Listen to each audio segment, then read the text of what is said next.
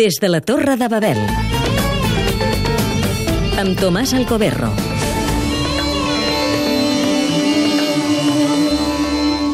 Molta gent d'aquests pobles ja estan acostumats als tambors de la guerra.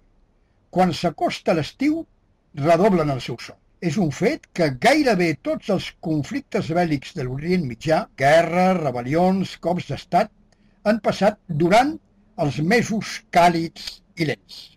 La guerra dels sis dies entre Israel i els països àrabs va esclatar el juny del 1967.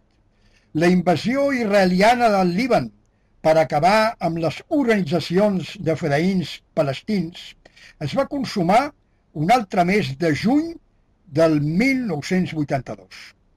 Un altre dia del mes d'agost de 1990, els soldats del rei Saddam Hussein de l'Iraq van envair el Principat de Kuwait. Els principals cops d'estat militars també van tenir lloc durant els estius.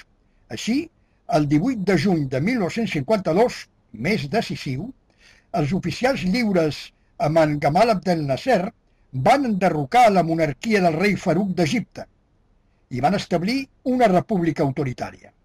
Sis anys més tard, un altre coronel, el coronel Qasem, de l'Iraq, imitant el seu moviment, es va aixecar contra el seu rei un altre mes de juny.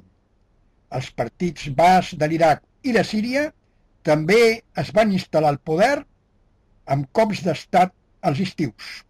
El Gaddafi de Líbia, aprenent de Nasser, va enderrocar el sobirà de Trípoli un altre estiu del 1969. Hi ha hagut excepcions, molt destacades, com la guerra dels Estats Units contra Iraq, que va ser durant l'hivern del 2003, o la revolució islàmica de l'imam Khomeini de l'Iran de l'hivern del 1979.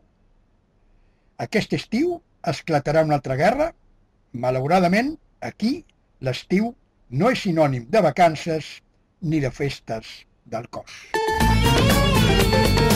Des de la Torre de Babel.